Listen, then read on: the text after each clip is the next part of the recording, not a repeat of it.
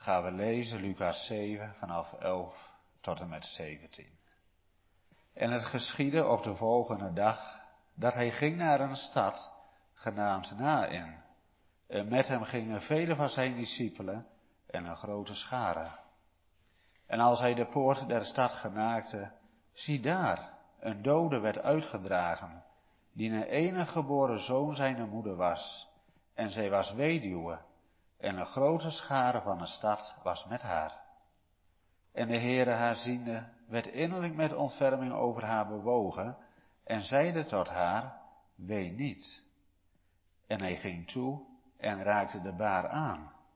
De dragers nu stonden stil en hij zeide, jongeling, ik zeg u, sta op. En de dode zat overeind en begon te spreken. En hij gaf hem aan zijn moeder. En vrezen beving hen allen. En zij verheerlijkten God, zeggende, een groot profeet is onder ons opgestaan. En God heeft zijn volk bezocht. En dit gerucht ging van hem uit in geheel Judea en in al het omliggende land. Wat was zijn moeder blij dat ze hem nog had. Haar enige zoon. Maar wat was het allemaal anders gegaan dan ze van tevoren dacht en hoopte. Eerst was haar man gestorven. En nu ook hij. Hij was, zegt de Bijbel, nog een jongeling. Ouder dan een puber, maar nog zo jong. Een twintiger, dertiger, hooguit. En dat is de reden dat ik me vanavond vooral tot jullie zal richten. Twintigers, dertigers. Hij was nog een jongeling. Vandaag loopt ze achter zijn draagbaar, waar de jonge man op ligt. Gewikkeld in linnen doeken, zweetdoek om zijn hoofd, alleen zijn gezicht is nog te zien. Een aanblik vol van bitter verdriet. Het is waarschijnlijk nog geen dag geleden dat hij stierf. En nu lopen ze de poort uit van de stad na een klein stadje. En zegt vers 12, een grote schare, een grote menigte van mensen was met haar. Gelukkig, er is veel meeleven. En dat doet haar ongetwijfeld goed. Maar haar jongen, haar knul, is niet meer. Samen lopen ze door de poort van de stad na in, op weg naar het graf buiten de stad. Maar op diezelfde weg een andere stoet hen tegemoet komt. Die, denken zij, net als bij ons, wel netjes aan de kant zal gaan om deze plechtigheid niet te verstoren. Er staat in vers 11 en het geschied op de volgende dag dat hij, Jezus, ging naar een stad genaamd Nain en met hem gingen ook velen van zijn discipelen en ook een grote schade, een grote menigte van, de men, van mensen. En als hij de poort der stad genaakte, dichterbij kwam, zie, daar. Twee grote groepen mensen naderen elkaar op dezelfde weg, steeds dichter bij elkaar. Maar vooral in het centrum van die twee groepen. Hier een dode jongen. En daar Jezus. Die, schrijft Johannes, de sleutel heeft over de hel en over de dood. En met dat ze dichterbij komen, voel je de spanning stijgen. Wat gaat er gebeuren? Gaat die stoet wijken voor deze stoet? Nee. Ze lopen recht op elkaar af. En, vers 13, kijk maar in de Bijbeltje als u dat voor u hebt. De Heere haar ziende. Hij ziet de moeder van die gestorven jonge man. Hij ziet die weduwe. En de Heere haar ziende werd innerlijk met ontferming over haar bewogen. Letterlijk staat er zoiets als zijn hart ging tot haar uit. En hij zeide tot haar, ween niet. Met liefdevolle, zachte, troostende stem. Niet harde. Meer niet. Verder niets. Maar de ontferming in zijn ogen droogt haar tranen. Dit mag vanavond ook wel tot troost zijn van rouwdragende families onder u. Die korter of langere tijd geleden geliefden naar het graf hebben moeten dragen. Deze Jezus kent uw verdriet. Hij ziet uw verdriet en het raakt zijn hart. En, ik lees verder in vers 14, hij ging toe, hij komt dichterbij, kijk in gedachten mee, en hij raakte de draagbaar de baar aan. De dragers nu stonden stil. De mensen staren ongetwijfeld met grote ogen aan. En wij in gedachten ook. En sommigen zijn misschien wel overrompeld of beledigd. Wie doet dat nu? En hij zei, de jongeling, ik zeg u, sta op. Was die jongen ziek geweest, of melaats of verlamd? Dan was er toch, dan was er nog hoop, ja toch? Maar nu niet meer, toch? Maar hij zei, jongeling, ik zeg u, sta op. En kijk, de jongeman komt overeind. Hij gaat zitten. En begint te praten. Wat hij zegt, weten we niet, doet er niet toe. En, vers 15, Jezus gaf hem aan zijn moeder. En, vers 16, vrees beving hen allen. Hier gebeurt, grijpt de mensen vast. Dit is Gods werk. En ze verheerlijken God zeggende, een groot profeet is onder ons opgestaan. En God heeft zijn volk bezocht. Is dit misschien de grote profeet die beloofd is in Deuteronomium 18? En was dit misschien de hoop uit de mond van Zacharias toen hij zong in zijn lofzang, God heeft zijn volk bezocht, gegrepen door ontzetting en vrees, verheerlijken zij God. Maar daar blijft het bij. We kijken gemeente vanavond met Gods hulp wat beter naar vier dingen. Naar de situatie van deze jongen naar het verdriet en de tranen van zijn moeder, naar de almacht van Jezus die hen ontmoet en naar de reactie van de mensen. Thema voor de preek is doden zullen horen de stem van de levende God en zij zullen leven. Vier punten dus. Een dode jongen, een verdrietige moeder, een almachtige Jezus en een geschokte menigte. Maar eerst dat eerste, een dode jongen.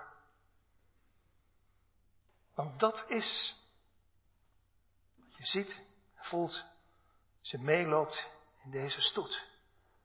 En kijkt naar die draagbaar, waarschijnlijk gedragen door vrienden. Een knul.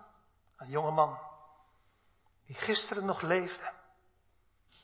De trots van zijn moeder. Zijn roze lippen. Zijn heldere ogen. Zijn stevige bouw. Knap als hij misschien was. Maar kijk. Daar is niets van over. Dan alleen dat vale, bleke gezicht. Gisteren leefde hij nog.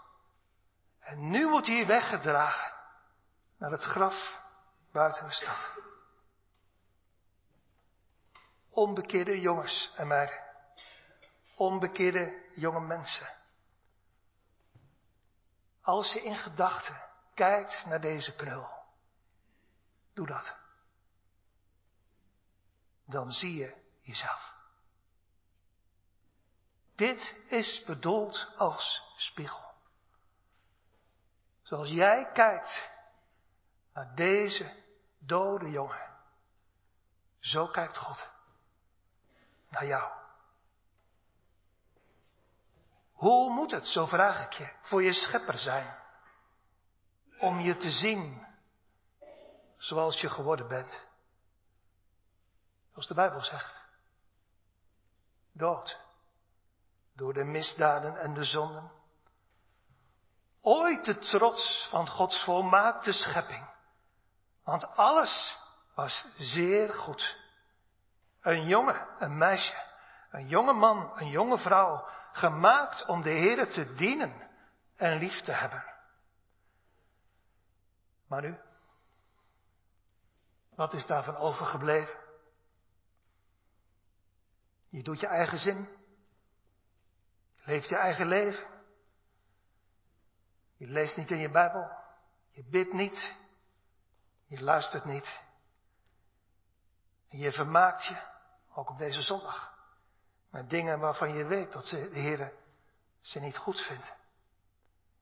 En trouwens, ook al doe je dat allemaal niet, dan toch, als je hoort van de zaligmaker, die God gezonden heeft uit de hemel om vijanden met hem te verzoenen, dan laat je het tot nu toe langs je oor voorbij gaan.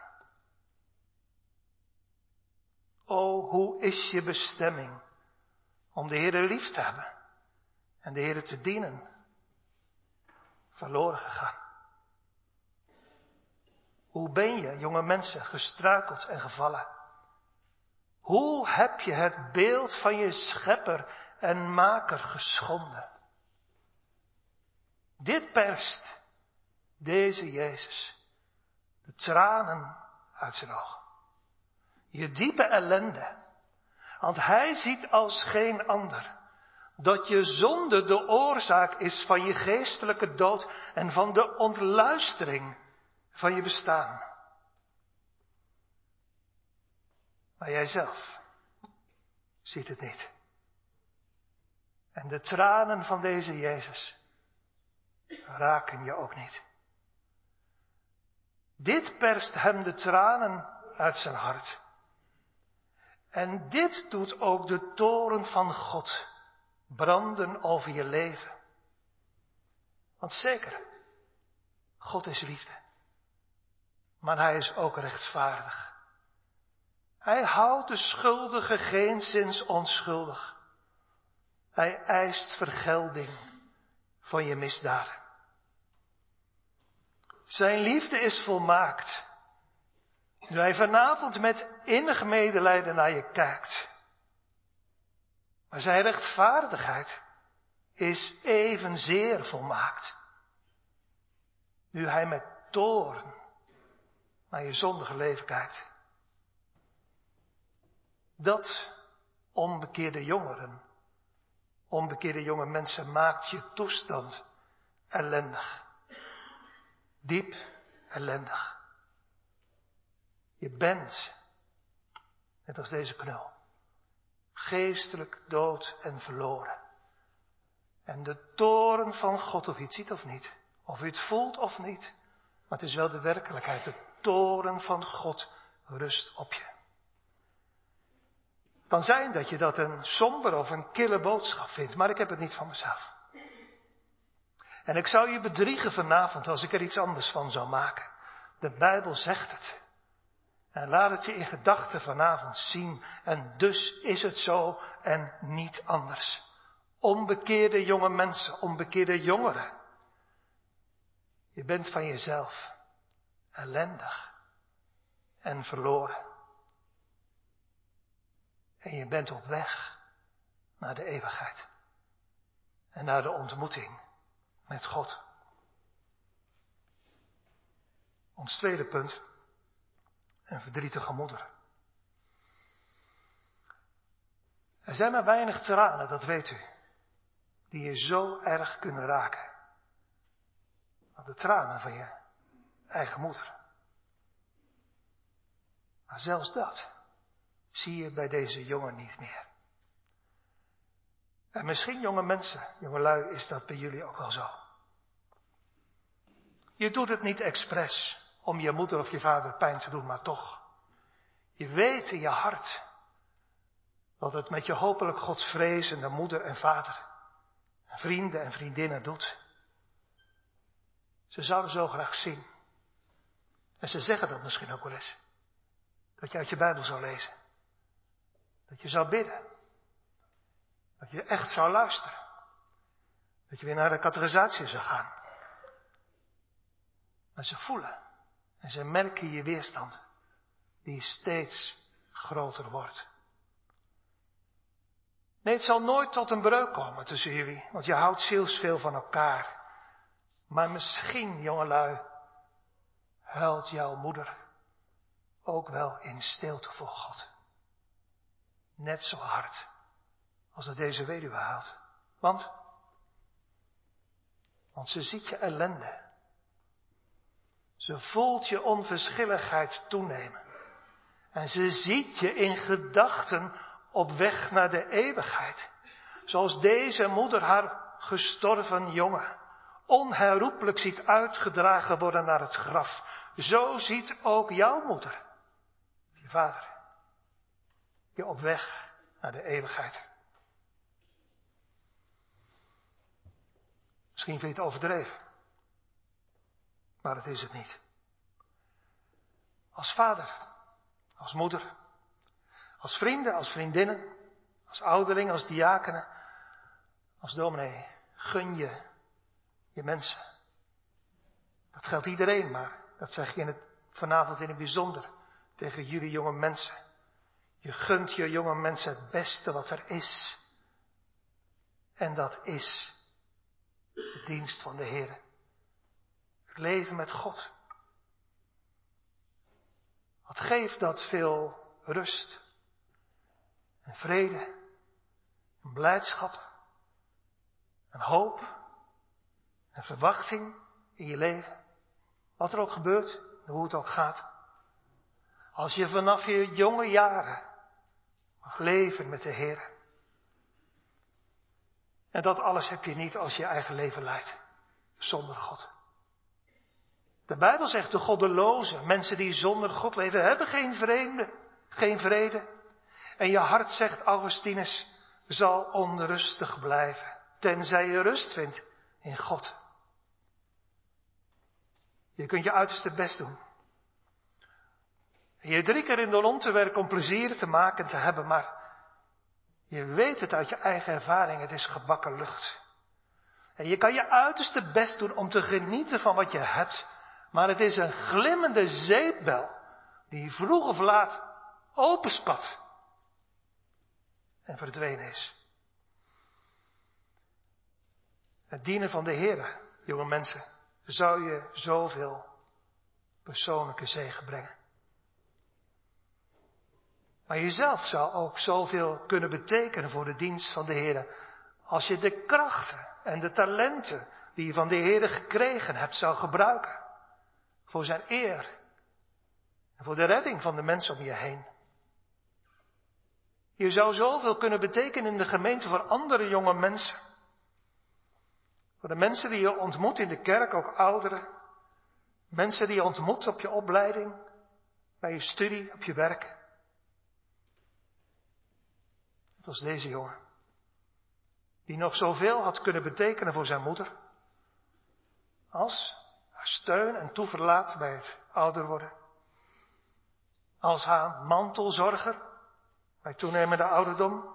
Maar ook om, om de naam en het bezit van de familie in Israël te bewaren en ze hadden samen nog zoveel avonden met elkaar in alle rust kunnen praten over de goede dienst van de God van Israël.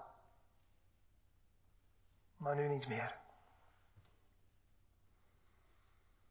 Je zegt, kan hij toch niet? Je zegt, kan hij toch niks aan doen, die jongen? Nee, dat klopt.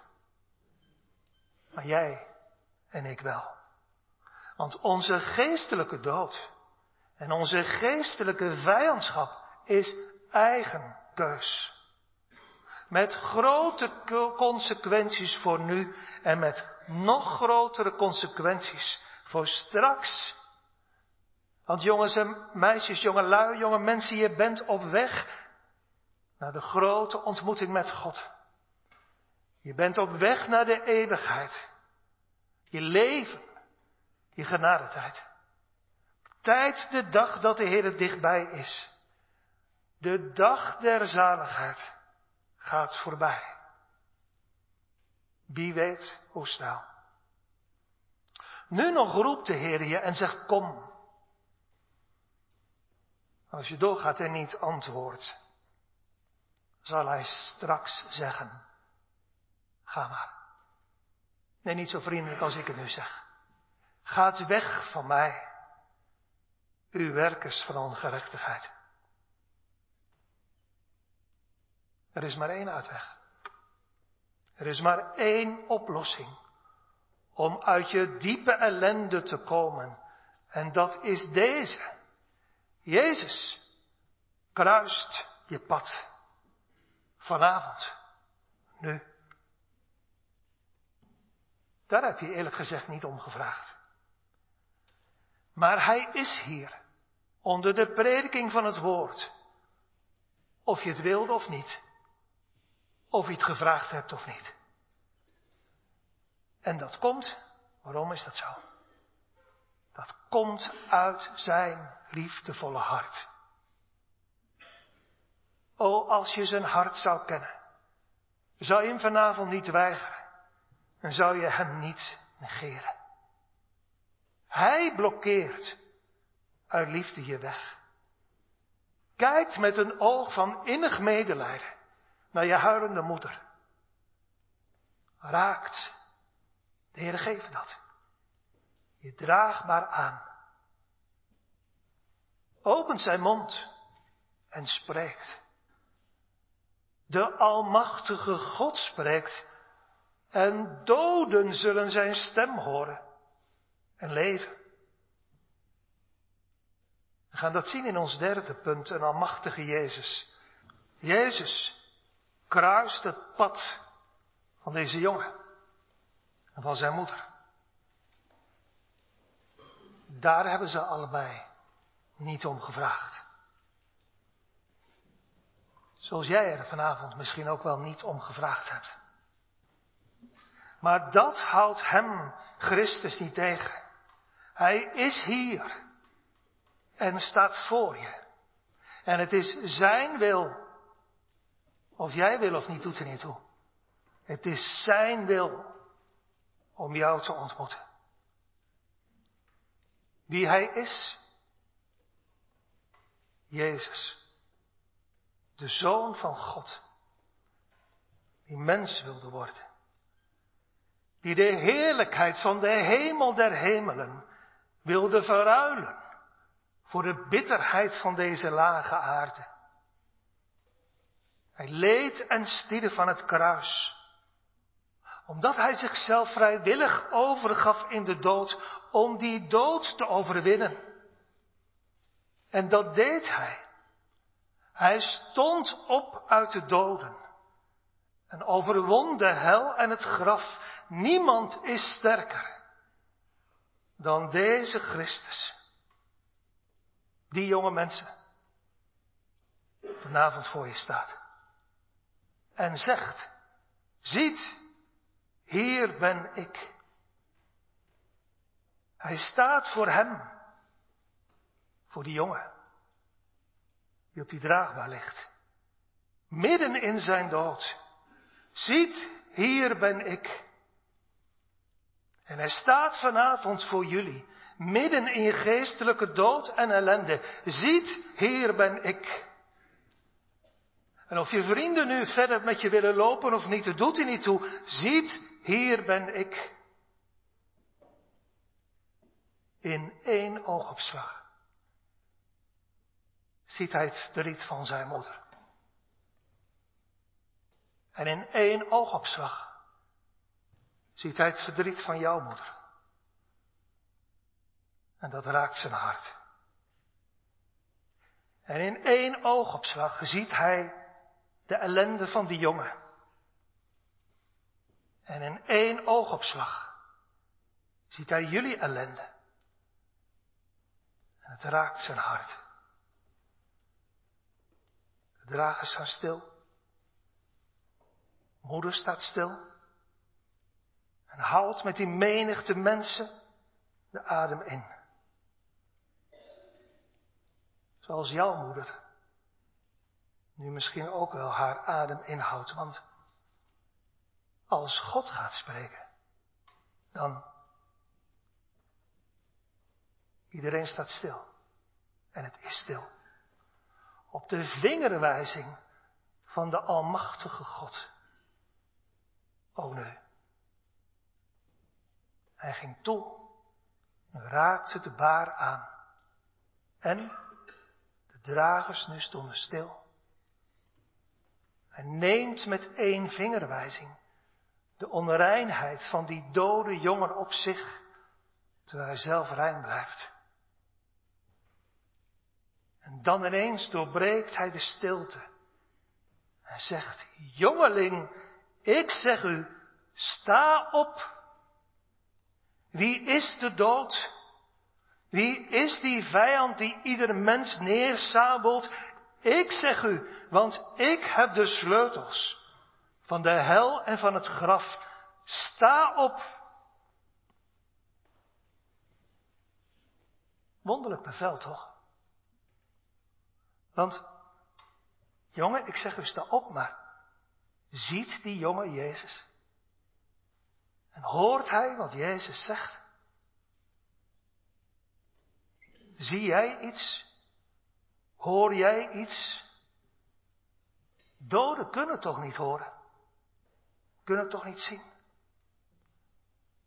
Opstaan, dat lijkt een bevel voor levende mensen toch? Bekeer je en geloof het evangelie, dat is toch een bevel voor geestelijk levende mensen? Nee, dat is een bevel voor doden. De roep van het evangelie. Vanavond vooral aan jullie gericht, jonge mensen, maar ten diepste aan ons allemaal is, sta op. Doden, sta op van de doden en Christus zal je licht en leven geven. De Heere zegt. Het is opvallend dat Lucas hem in deze geschiedenis voor het eerst zelf Heere noemt. Degene die als koning macht heeft en gebied, de Heere zegt, ik zeg u. En ik zeg vanavond, met volmacht van deze Heere, zo zegt de Heere. Terwijl ik de uitkomst ervan in vertrouwen laat in zijn almachtige handen. Zo zegt de Heer tegen jou en tegen jou, sta op. De Heer ziet je geestelijke dood en ellende en zegt, ontwaakt u die slaapt en staat op uit de doden en Christus zal over u lichten. En de dode zat overeind God spreekt en het is er.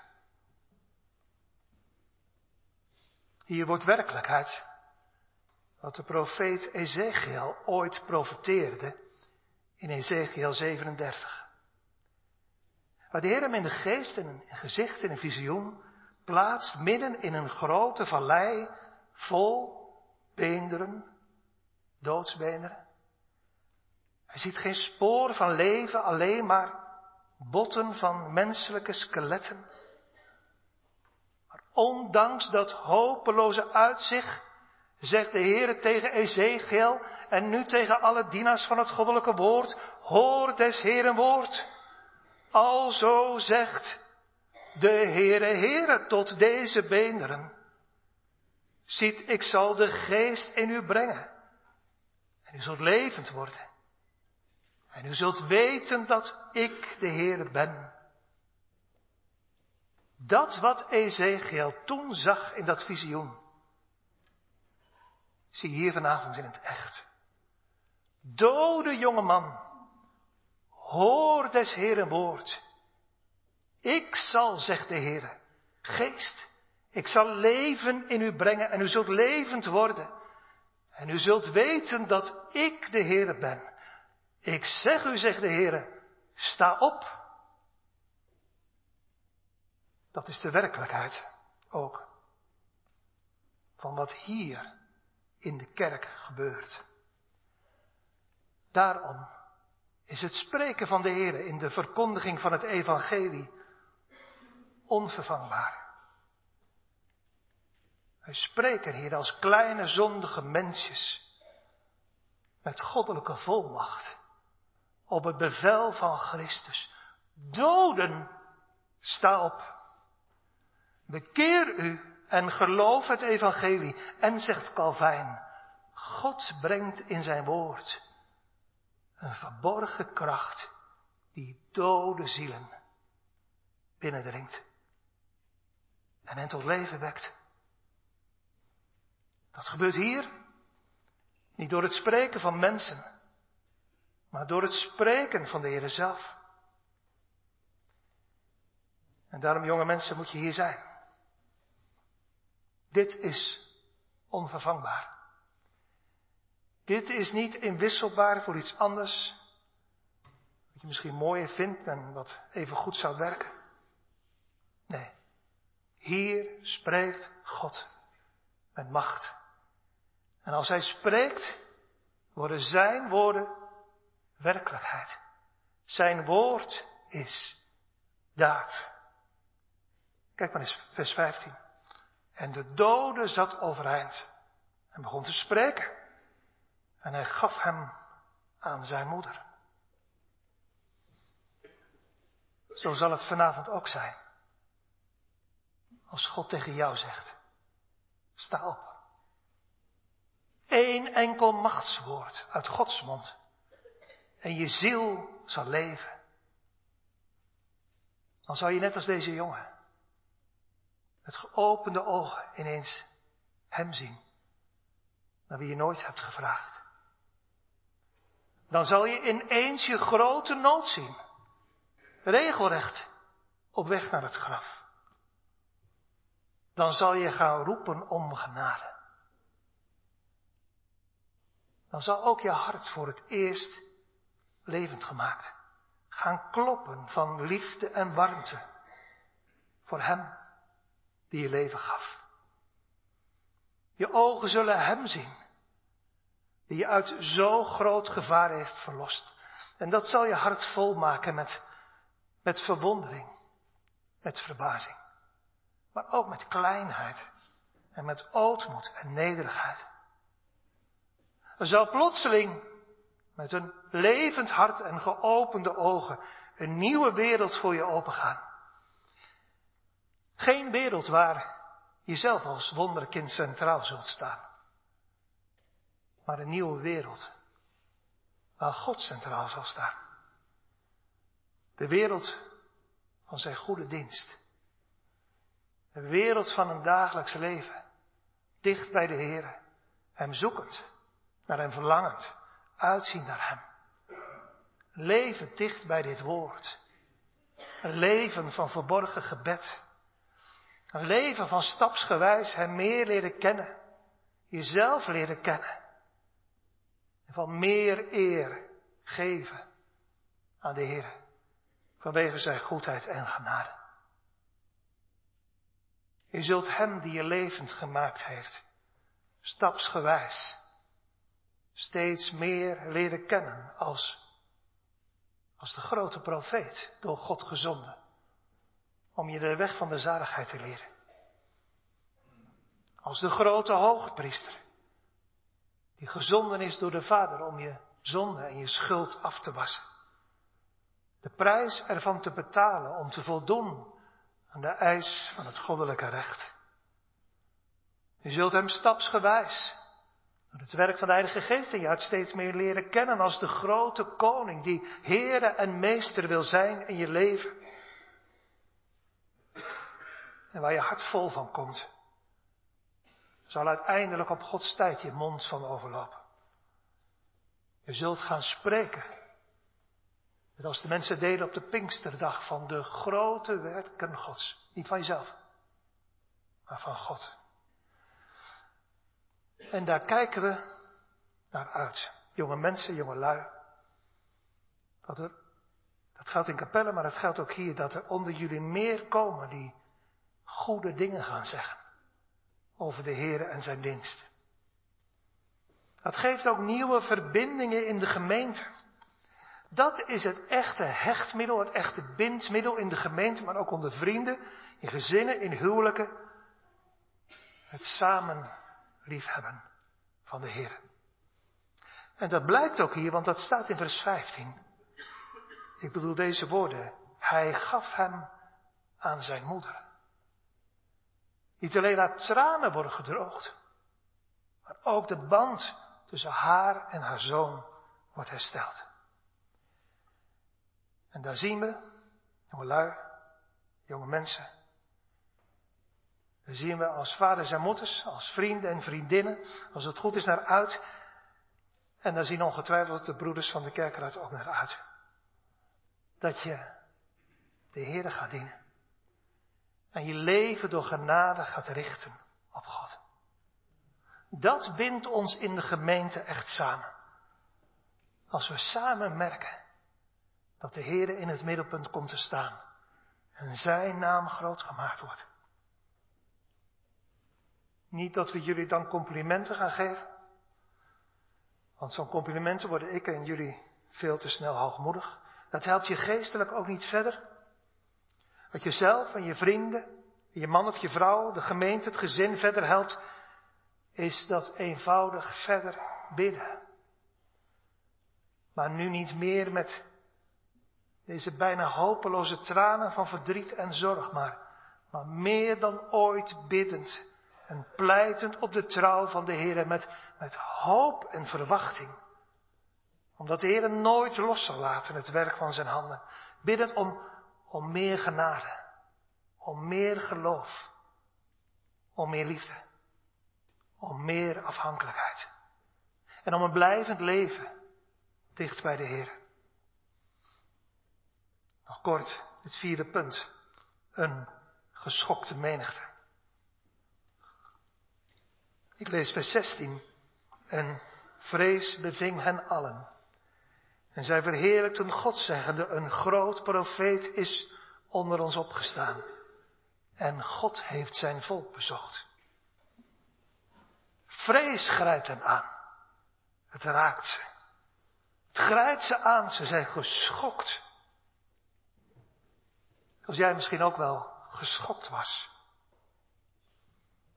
Toen je vriend of vriendin, of je man of je vrouw, je broer of je zus ineens anders werd. Toen de Heer ging werken in zijn of haar hart. Je dacht, hoe is het mogelijk? Ja, dat is een begrijpelijke vraag. Hoe is het mogelijk? Maar je hebt reden, net als deze mensen. Je hebt reden om geschokt en bevreesd te zijn. Want blijkbaar was en is God heel dichtbij. Want Hij deed dat. En Hij deed dat ook dicht in jouw leven. Zijn hand was geen mensenwerk.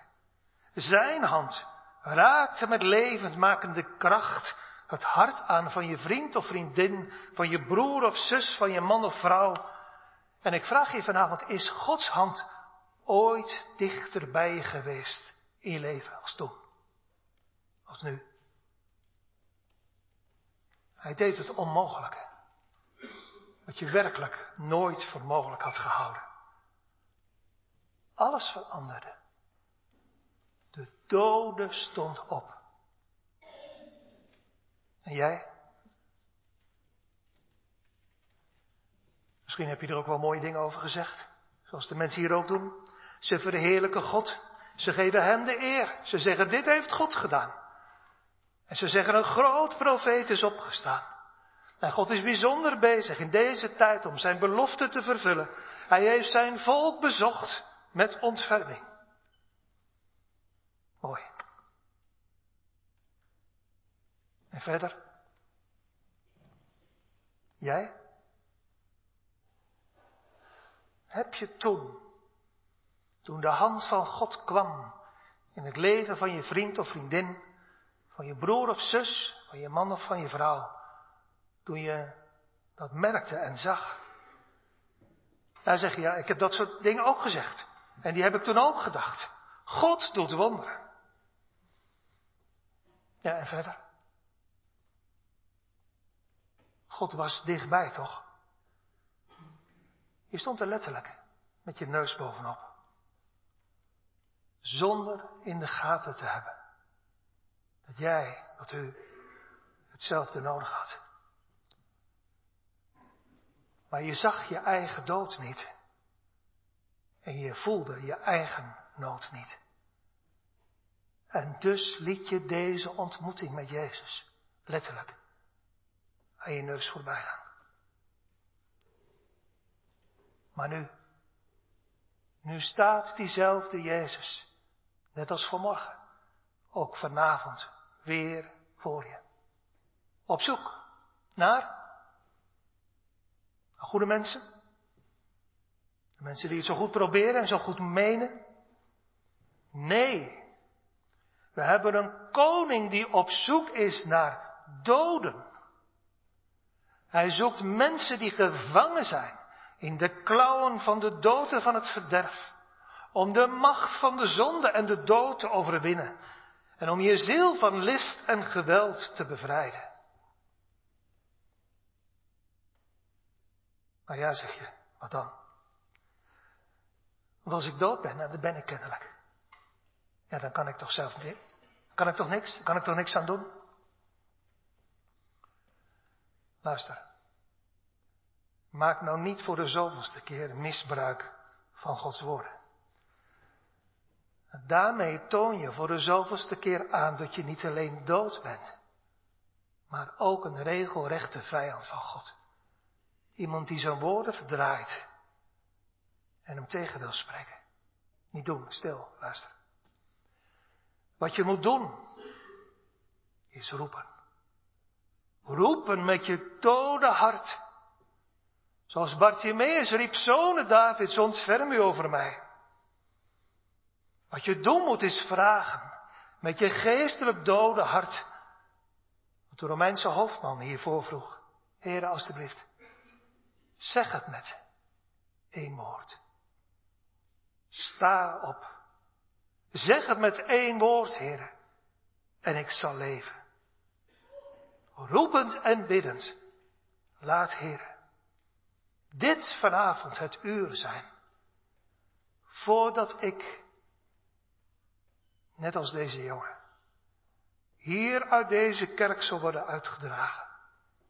Laat dit het uur zijn dat ik, geestelijk dode, de stem van de Zoon van God zal horen. Roep in de nood van je dode hart tot God. En onze God zal zonder twijfel ook tegen jou zeggen. Ik zeg u,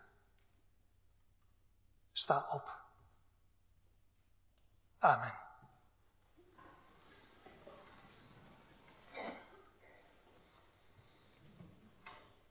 Heere, mag die almachtige stem van u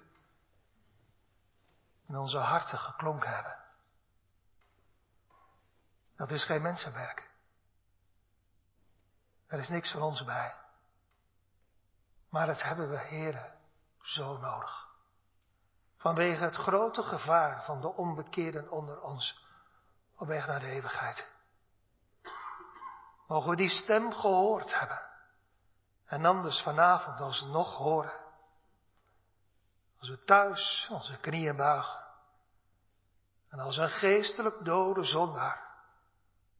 Alle excuses naast ons neerleggen. En in de nood van ons hart roepen tot u, o God. Zeg het ook tegen mijn ziel. Jongeling, ik zeg u, sta op. Heere, wij bidden, doe dat alstublieft. Om de eer van uw grote naam. Mag het zijn tot de woorden van vanmorgen. En dat uw woord in deze avond geklonken daarvoor dienen mag. Tot de roem van uw grote naam. Tot leven in de harten van dode zondaars in groot gevaar. Zegen uw woord, heren. Dank voor uw hulp in het luisteren en in het spreken. Het wacht alles, heren, op u. En op de krachtige werking en de krachtige stem van uw Heilige Geest. Bewaart u ons nu we naar huis gaan. Bewaar ons in de week die voor ons ligt, boven alles, heren, voor een onvoorbereid sterven. Zegen ons werk, onze kinderen, onze jongeren op school. Geef een biddend leven in afhankelijkheid. In de vrees van uw naam. In godzaligheid. Om Jezus wil. Amen.